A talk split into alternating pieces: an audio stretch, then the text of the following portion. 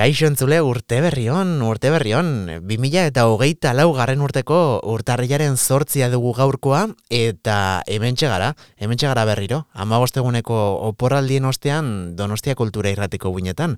Zer moduz joan dira gabonak? Ondo, ondo portatu alda olentzera zuekin. Espero dut baietz. Aizue, gaur oso saio berezia dugu, eh? Euskal Herrian historia egin duten hiru pertsona gomidatu ditugulako gurera, duela aste gutxi, estreinatu zuten donostieko printzipe zinemetan archipelagoaren hirugarren eta azken denboraldian, badakizu archipelagoa ITB podcastek eta Ulu Media ekoiztetxeak e, sortu duten euskarazko lehenengo soinu fikzioa dela eta tira, ba, estreinatu berri den azken denboraldi honekin agur ere esango digu e, iritsi zen bezala ba, badigo alako, baina badatoz, badatoz e, proiektu berriak eta proiektu zar eta berri hoien inguruan hitz egiteko hain zuzen, ba, archipelagoaren sortzaileak ekarri ditugu gurera. Ispilu beltza, asier errastirekin.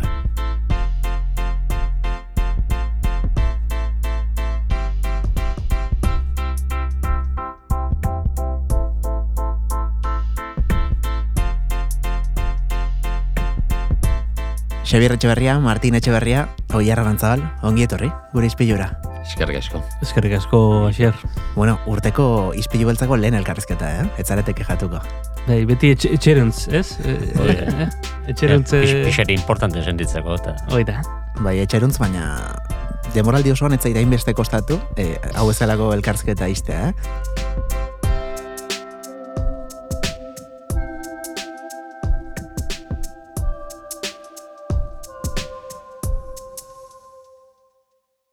Argitaratu duzu, eh? Irugarren denboraldia, artxipielagoa, e, soinu fikzioaren irugarren denboraldia, e, atzera begiratuta, 2008 bat garren urtean abiatu zen abentura hau, edo behintzat, bueno, Euskaldunok, ez? Mm -hmm. erritarrok hogeita batean e, dastatzeko aukera izan genuen e, lan hau, orain atzera begiratuta, mm, nola, nola bizi duzu guzti hau? Bueno, nik esango dut, hogeita batien, hain zuzen ere, ikasi nula artxipielagoa berren artxipelagoa dela euskara batuan.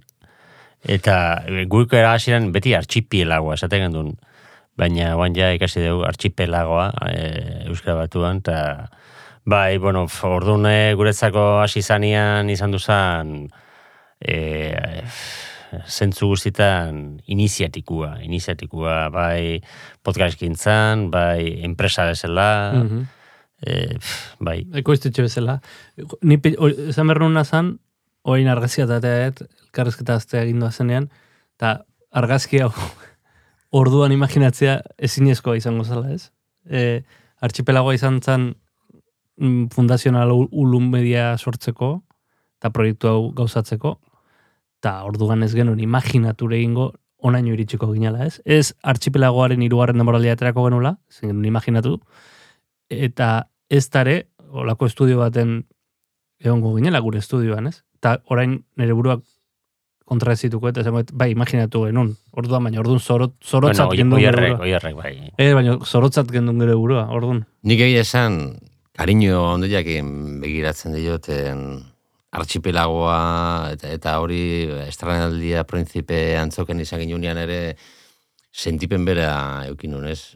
Egite, kariño berezia, bueno, ba, ba Xabik eta Oiorrak esan dituen gauzan gatikan, baina, ba hori, archipelagoak ere maila batean, bueno, ba, kontatzen du olako, olako bidai bat bada, ez? Berez, historian, eh, ba, fikzioan bidai bat bada, eta irudipena daukat, ba, guk ere, ba, izugarrizko bidai egin degula, e, eta bueno, archipelagoren kasuan ba hirugarren e, atala da eta ja azken sasoia, baina bueno, ba, gure kasuan bidaia jarraitu egiten dula, ez? Eta ez da oso oso guretzako oso podcast berezia da eta ez da ba iruditzen zaitu hor, beti barruan edukiko dugun ez da e, ba, podcast bat, ez? E, proiektu bat.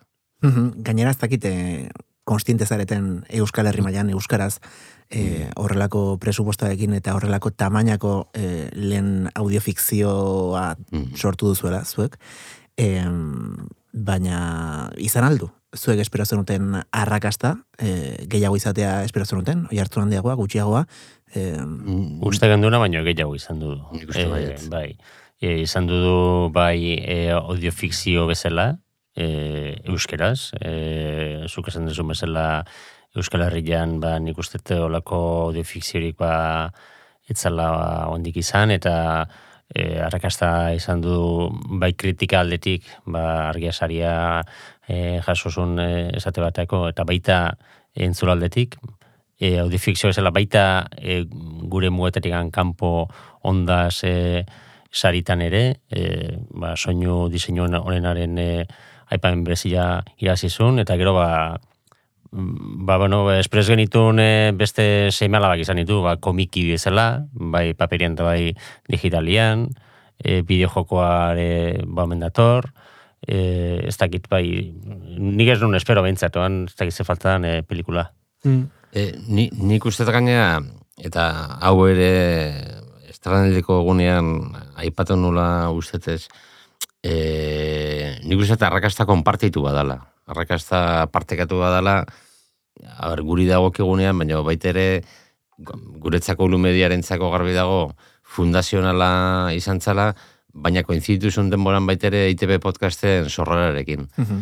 e, garbi dago eta ez da inori pelota iteagatik, baizik eta bueno, bakoitzari zor zaiona ba, emateagatik baita ere, guzti hau ITB podcast gabe eta eta ITB ba, erakundearen aposturi gabe ba etzala posible izango. E, horrek ba bueno, nik uste komunitate bat sortu dula, bai archipelagoaren e, jarraitzailetan, bai ala pentsatu nahi dut, euskeraz e, diarduten ba beste podcast gile eta eta sortzaileentzako ikusteko horrelako gauzak ere posible diala. Eta eta nik uste horrelako arrakasta batek izan gureak edo beste batenak danok aberazte gaitula eta danok egite gaitula ez dakit indartsuago, ez? Mhm. Eta, bueno, aipatu duzu, e, Mhm. posible dela, Mm, posible dela erakutsi duzue, egikatu delako zuek eh, hasiera batean buruan zenuten ideia zoro hori, e, nola egiten da edo ze pauso eman behar dira? Ideia zoro bat izatetik mm, zuek sortu duzuen guztia, bueno, ba, benetan errealitate bilakatu arte? Ez dakit.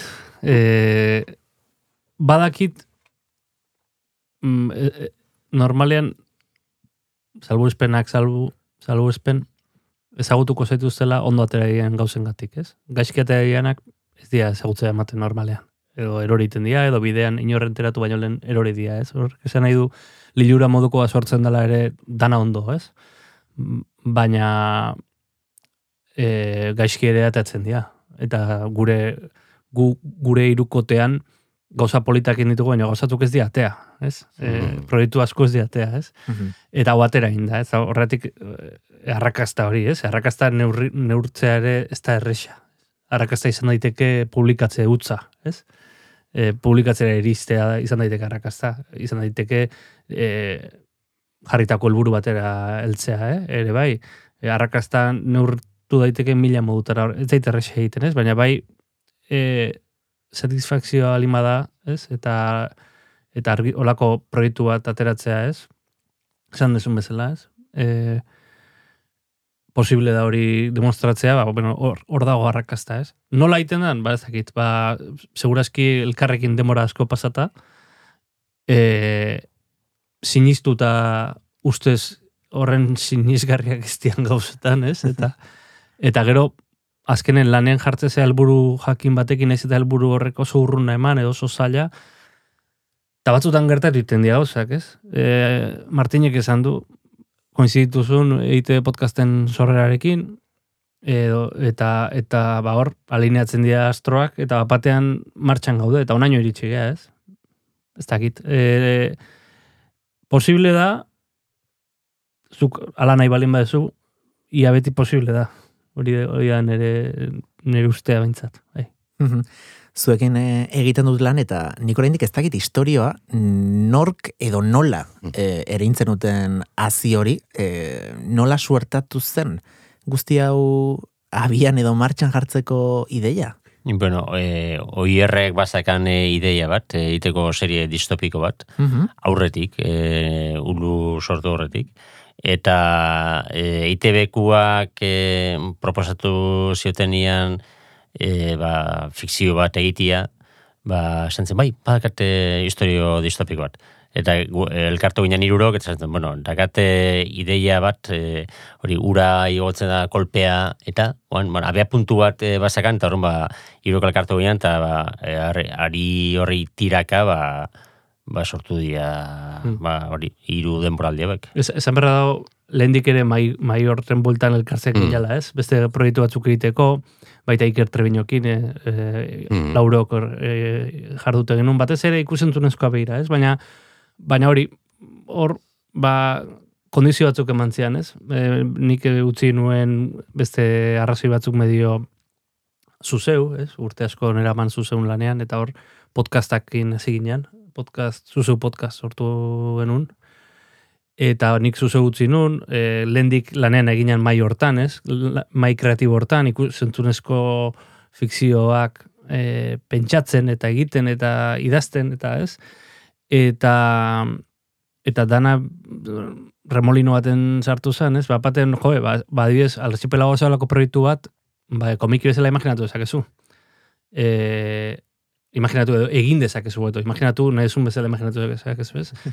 e, eta e, a, soinu fikzio gisa ere egin dezakezu, ez? Hor dago, azkenen e, ikusentzunezkotik mm, podcastera pasatzea ere hor hor izan zen, ez? Momentu baten nahizu, eta ta imaginatzen badegu dis, e, distopia hau eta egite malin badegu, ez?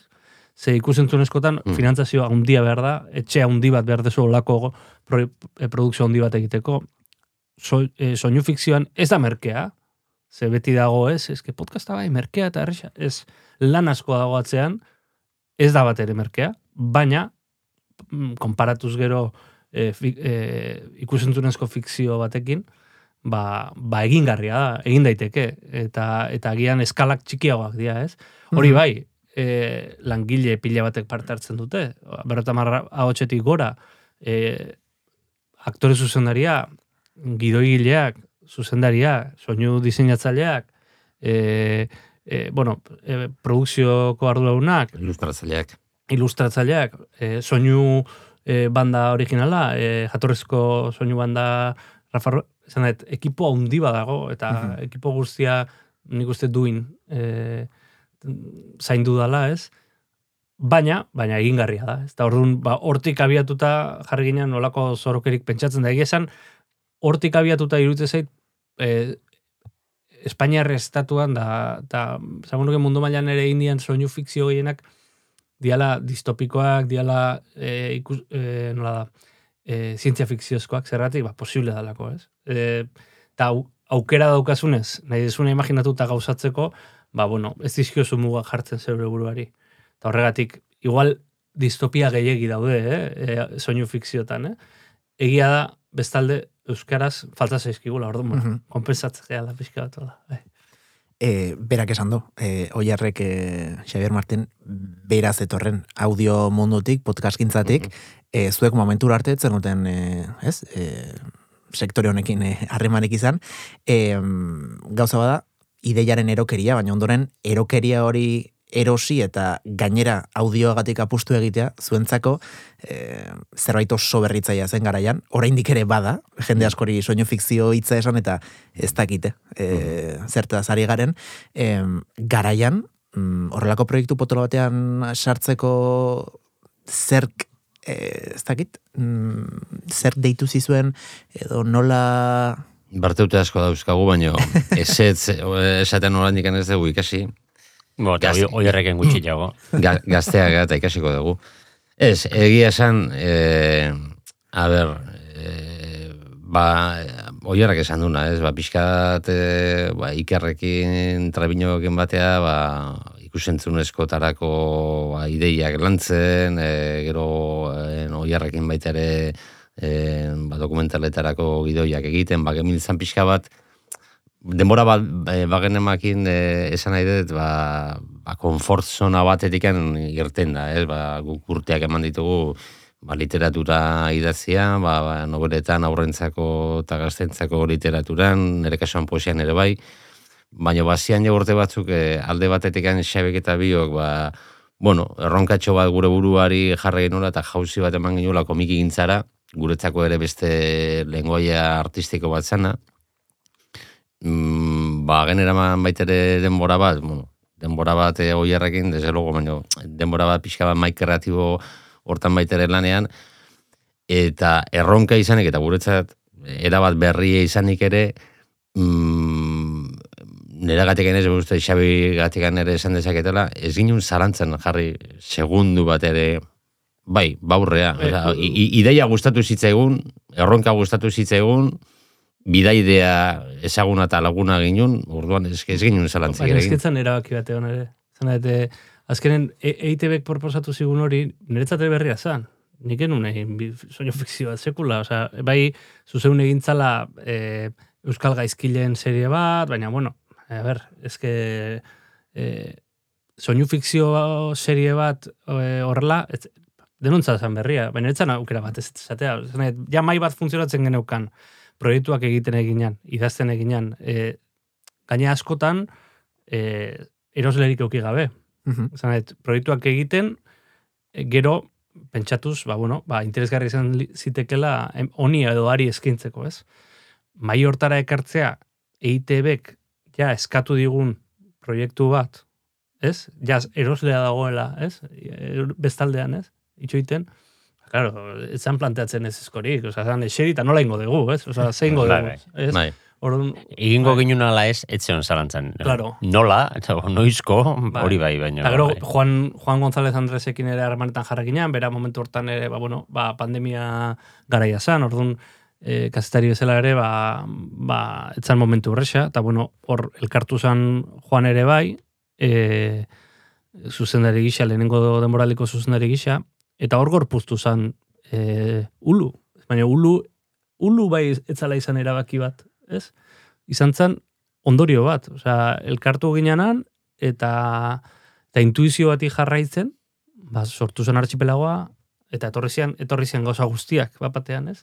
Eta hortik hiru urte baino ez dia pasa, eh? E, ematen du, ematen du, ja, amarkala bat dala, ez? Baina... Sartu zarete ez da, prozesu honetan.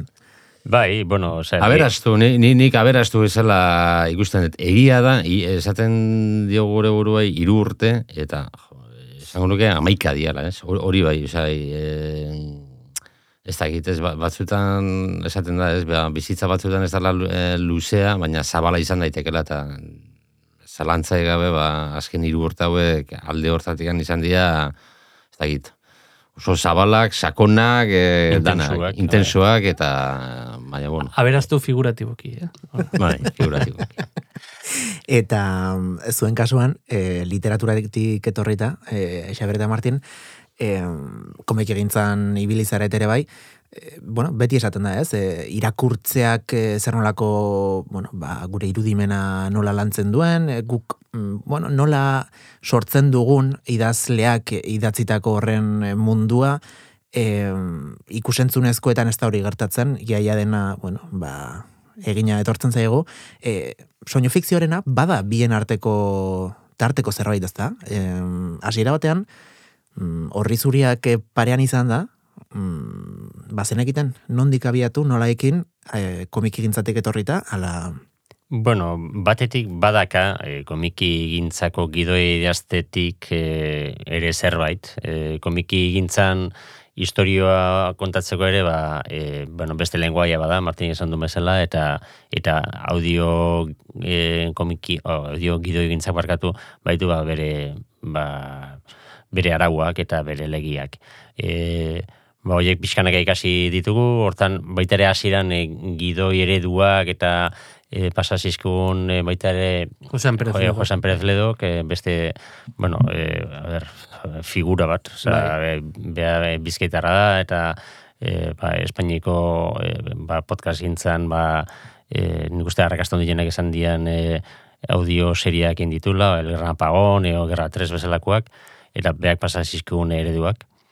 BBC-ren ereduako kerrezpanago, BBC-ren webune bai. batetik, eh, bai. E, eskuragarri daudelako, eh? Bai. Et, eta gero, ba, pixkar, ba, gure intuizio hori jarraitu dugu. Azken batean, historia, ba, zuk esan desuna, ez? E, e, badaka literaturatik zerbait, ze ez da ikusentzunezkoak bezain e, dana hain e, kozinatua, zuk ere zure aldetikan e, jarri berazu, entzute zunian e, audio batean ba, jare hitz egiten, imaginatu dute zure, ure- zure erara, ez? Ba, liburu batean irakurtzen nahiko bazinak bezala. Eta azken batean da, ba, nik uste, e, ba, e, gauzik zaharrena da ona, ez? Eza, lehen bizi zu baten inguruan aitzulu baten en, akartu zian e, gizakiak eta kontatzen izenean ipuin bat, ere audio bat zen. Eza, e, sukaldetan kontatzen lehenoko ipuinak audio bat zian. Orduan, e, ez da ezer, berritzailea da, behar bat formatua, ba, bai, e, ba, gestak asu, no- nola entzun, baina, baina ipuin bat kontatzerena, da, nik uste dagoen gauzik zarrena, literatura idatzea baino zaharragoa da. Hmm. Bai, eta hor, hor da ona da, hori, e, eta guk ere eginaz ikasi duguna, eh? Esan nahet, e, bueno, e, osagaiak ematen, eman behar dizkiozu entzuleari, baina gero entzuleak amaitu behar du kontakizuna. Eta hor dago audioaren boterea, ez? E, Xabik izaten duna, aspalditik, eh? Ze, zure amona kontatzen dizizunean, ba, bere txikitako e, historioa, zuk osatzen zenuen historio hori, ez? Zuk imaginatzen zenuen beak aipatzen zuen etxe hori modu batera eta ez bestera, ez? Eta hemen ere horrela da, eta horregatik dauka literaturak daukan botere bat, ez? Eta da, norbere imaginazioa beti dela realitate baino indartsuago, boteretsuagoa, ez? Mhm. Orduan, e, hor garrantzitsua da imaginazio horri heldulekuak ematea eta ondo ematea, eta hor dago, ez? E, fintzen joan garena, ez? E, bai gidoietan, bai soinu diseinuan, ze beste gauza interesgarri bat daukana da, e, historioan bapatean e, ba, ikusentzunezkoan egiten da, ez? Aurreko izpena, ekoizpena, lokalizazioak eta bar, rodajea oso itxita dana, ez? Hemen irikiagoa da, nahi, nahi gabe eta, alabearrez.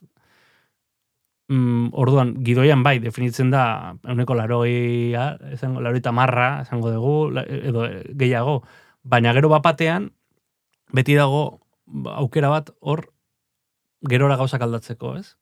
Trampa egin daiteke. Esan nahi momentu baten esan daiteke, aizue, itzegin Xabi eta Martinekin daizue, zeiru itzen hau, hemen izan beharren hemen baldin bada.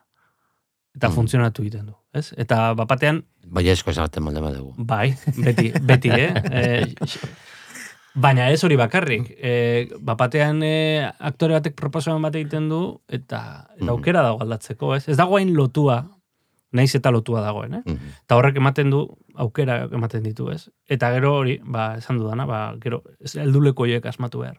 Mhm. E, aipatu duguna, bueno, imaginazioa lantzen duela entzuleak hori ere aplikagarria da, ez? E, kasu honetan Oier Arantzabali zuzendariari, zuek mm, idatziz e, emandako hori ere berak imaginatu egin behar duelako, bera bakarrik ez, baita e, aktore zuzendariak, anartz zuazuak, eta baita aktore guztiek ere, individualki, bakoitzak bere unibertsoa, ez, imaginatuko du e, bere buruan, eta egia esan, mm, nik aukera izan dut, eta oso bitxia da, eta eta pena merezi du grabaketa baten, bueno, parte izatea, grabaketa hori nola funtzionatzen duen ikustea, e, badagoelako naiz eta testuak idoia dena oso finkatu egon, hor magia bat unean Mhm. sortzen dena, anartzek ikusten duena momentu batean bagian, e, bueno, jabartura honekin historiak beste bidea hau hartu dezakela, e, ondoren, mm, eta hau zentzuenean diot, oso eskuzabala zarete aktorekin, e, bueno, aktore bakoitzak proposatzen duenari baiezkoa esaten dizuelako normalean. Anartz oso, anartzen papel oso importantea da. Bai, anartz, anartz zuazua aktore zuzendaria. Bai, eta, eh, eta aktoria ere. Jose, Eh, Josean bai. Perledok esan zigun. Hasieratik. Aktore zuzendari bat behar da. Bai ala bai. Eta eh, behar da. Eta bere papela oso importantea da. Esan nahi, matiz horiek, gidoiak jasotzen duen matiz horiek nola adierazi eh, aktorei pila bat laguntzen dielako eta eta proposamen pila bat dituelako eta ez delako konformatzen, ez? Lehenengo Mhm. esaldia, botatako lehenengo esaldiarekin anartzen papela oso importantea da kolore horiek eta eta baita ere helduleku bat delako hori, ez? Nola eh, gidoia nola biz, nola bizi, ez? Ze azkenean e, niretzat momentu politenetakoa da irakurtzen jardun dugun gidoi hori a- ahotsetan entzutea. Edo Ja. kristalizatzen ikustea, ez? Hori. Eta nik esan edo baita ere, ba, pixate archipelagoan e, metaforai helduz, archipelagoa hori, eh, aurkezpenian esan duten, ez, ba, uarte txiki asko sosatutan bezala, ba, egitea dela, e, soinu fikzio ere, ba, e, uarte txiki, e, persona txiki, edo handi, e, askoen ekarpenakin osatuta da, hola, eta eragu alde hortatik e, Martin David Jogezgea gure gidoia hola da, eta kitxo e, oitakuak. E, badakigu, e, bueno, gero gaina, ez da gure gidoia Martin David Jona, oza, gidoi, gidoia egiten prozesuan bertan ere, oierrek parte en hartu du, nezak gero, gero, igual guk idatzi, baina e, argumentua egitekoan ere, iurokein mm. gendun, gero badakigu baita ere, en, en, grabaketan e, anartze ganartzua zua baitere bere beste bultate emango jola, aktoriak bere bultate emango jotela, mm. e, ez dakite talde lan bada, eta nik uste hori dela polita baitere, ez? E, mhm. Eta horregatikan, e, Martin Lehen esan du bezala, aberastu ite dela, hori, mm. e, bai, bai, aldortatik ez dakau, inoiz ez, ez du izan aldortatik bate erreparoik gure testuak aldatzeko, edo Eta testuei dagokienean, bazenekiten hasiera batetik e, hiru denboraldi izango zituela lan honek? Guk hasieratik e, horrela planteatu ginen. E, jakin gabe, eta biziko temporadak arrakasta izango zuen edo ez, e, finantzaketarek izango ginen, beste bigarren edo hirugarren aiteko, baina, bueno, ba, bide hontan, bai artxipelagoarekin, eta bai ulumidearekin egin ditugun, ba, beste gauzasko bezala, ba, bueno, ba, apostu egin ginen hasieratik eta hasieratik e, bueno, e, nola baiti historiaren eskema orokorra e, ba, bueno, pentsatu ginen urintzako e, ja, alde zaurretik jakinez nola bukatuko zen eta nun bukatuko zen ez ginulako nahi, ba, pixka ba, ba, bueno, ba, lost, eta olako gauza bezala, ba, hasi, eta ea, nola bukatzen dugun, ez?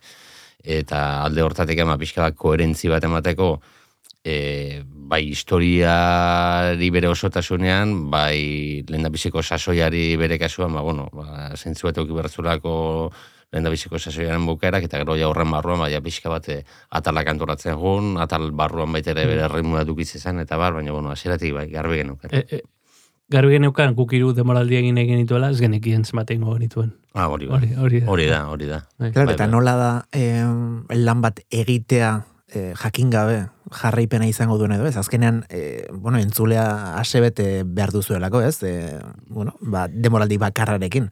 E, amaierak, mm, ez dakit zuek nahiko zenituzkean bezalakoak izan diren, ziur nago, eta ez, ez dakit, eh? hau ez duzuekin hitz egin, bigarren denboraldian, bazenekitela irugarren nago zena. E, bueno, bigarren guan ja, e, esperantza gehiago ginen irugarren gora iritsiko ginela. Mm. Ze ikusita ginen ja, ba, lehen da bizikoak arrakasta izan zula, bigarren gore, e, ba, ze harrera izaten izan, orduan, bai ja irugarren goa e, gertu ikuste ginen. Baina, Martinek esan du, nakuk asiatik, e, trama egin guztia, irugarren goan borobiltzeko e, bezala pentsatu ginen, hori berba da, bertso eskolako, ez da bertsotan asko ez ginen ikasi, bertso eskolako deje bat gatu zego, eta em, nez eta hori ba denboraldi bakoitzak bere hortan baita ere bukera bat badun, beti gehatze zan zerbait irikita ez, e, betiko tubi kontinuet moduko horrelako mm -hmm. zerret ez, ba, iruarren honek borobiltze du. Eta, bueno, batzi guztaruko zaila beste ez, baina iruarren honetan mm, e, ba, pixat e, martxan egon dian trama askok bere bukera e, izango due, eta ba, espero dugu ba, entzule guztaruko zailela.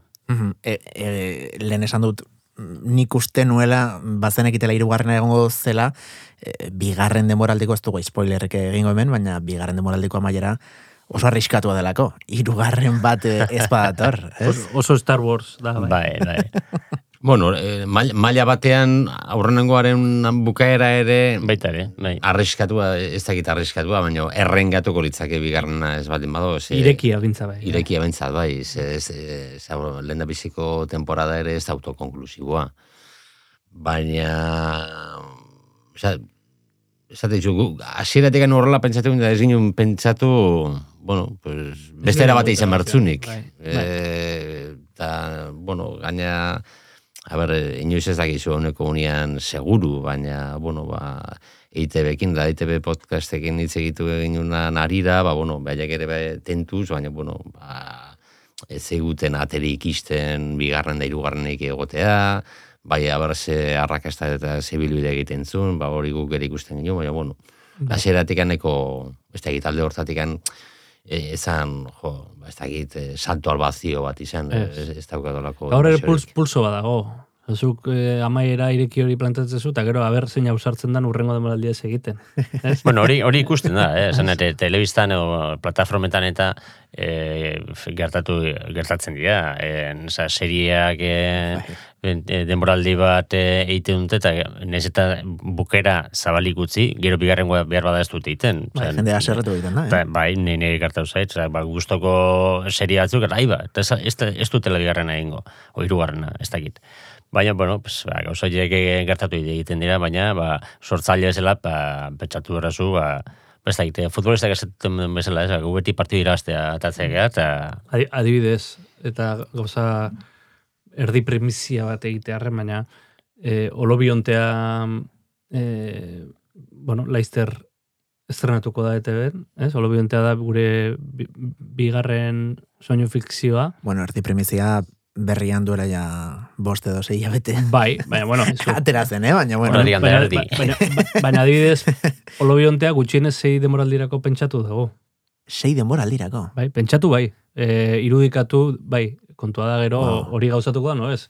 Baina gu bai, aiga, ontan bai, olobiontea pentsatzerakoan bai salto egin nahi genuela trilogiatik arago, ez? Osea, pixka bat, de, ba, desarrollo gehiago izango zuen e, serie bat. Era berean, denboraldi bakoitza autokonklusioa eginaz. Bai, hor bai, Mhm. naiz eta irikita utzi konkluitu ere bai, ez? Hor biak bien arteko zerbait eh, topatu nahi gero, baina bai pentsatu genuen ba hori ba, ba, mm, uste sei pentsatu genuen alako zerbait, baina ez Ama- dakigu, ama- gerta- Amabietzen. O- hogeita lau.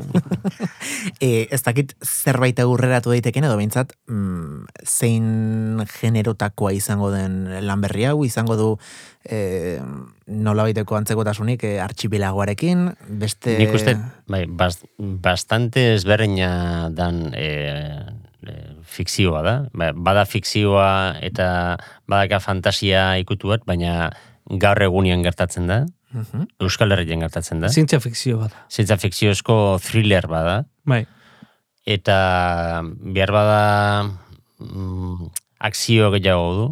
E, bai, ez dakit, e, zerbait gehiago ez da nola esan, e, spoilerrekin gabe.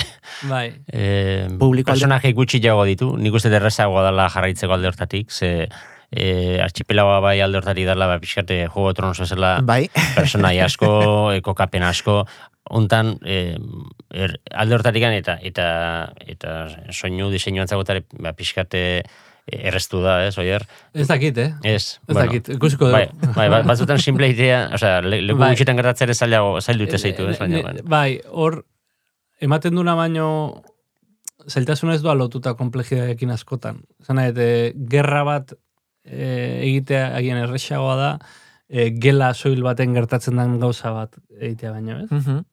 E, batzutan, eh? Zena, bestatutan, ez? Baina, baina gauza simple bat askotan soinu aldetik ez da errexa. Ze, klaro, e, ikusentzunezkoan errexa da. E, barkatuko dira baina e, gela bat ikusten balin baduzu, eta atzean balin badago e, zehazka bat, badakizu ume baldotan dagoela, ez? Claro. Baina hemen gidoian jartzen badu ume baldotan dago, eta horregatik isilik doaz e, bi protagonistak, claro, hori nola, nola irudikatzen da hori. Nola egiten duzu soinu aldetik hori, e, jendeari helduleko hori emateko ez bestela, ez diozu ematen. Mhm. Bere zeltasuna dauzka, ematen, gauza batzuk ematen dutenak, printzipioz erresa diela, gero soinu aldetikan pista horiek edo informazio hori ematea modu sotil batean, ematen duen baino zailagoa da. Baina, bueno, goza bat e, izan da, ebolobiontea diseinatzea, bai. Bueno, bigarrengo temporadan gerra, gerra sartuko dugu. Hasi, erre, errezteko. errezteko.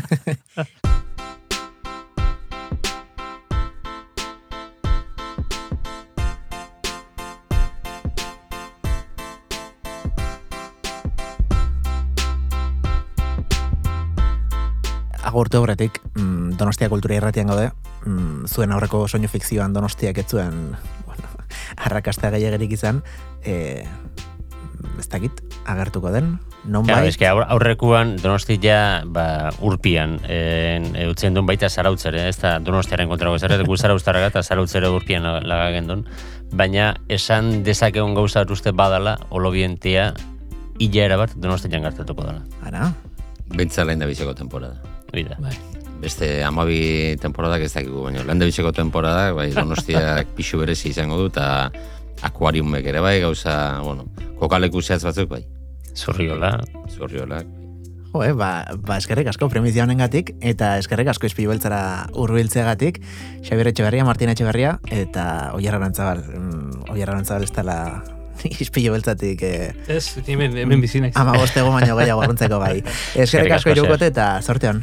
Eskerrik asko, asier. Aio, aio. Ispilu beltza podcasta entzun gai duzu Spotify, Apple Podcast, Google Podcast eta beste hainbat audio plataformatan. Ba, tirantzule, gure aldetik besterik ez, hause, urteko lehen saioak eman duena, bihar goizeko seiretan itzuliko gara, ispilu beltzaren edizio berri batekin podcast plataformetara, eta goizeko zortziretatik aurrera, eunda zazpi putu lau donostia kultura erratiko uinetara. Bi mitartean, txintxoak izan, agor!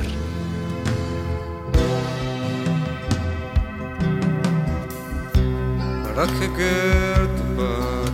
begira. Dun imaginek ikusi aha. Zinta bat aidean besterik ez. Abadeak paseatu.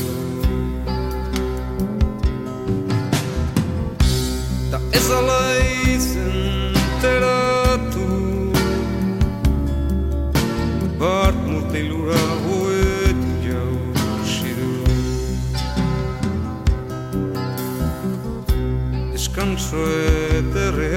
ederrean baztera Giak hundik burua Hausatu arratxalde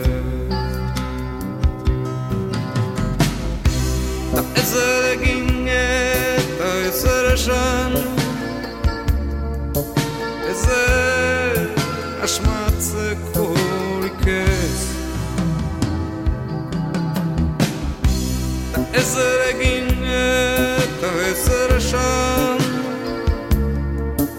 Ez ere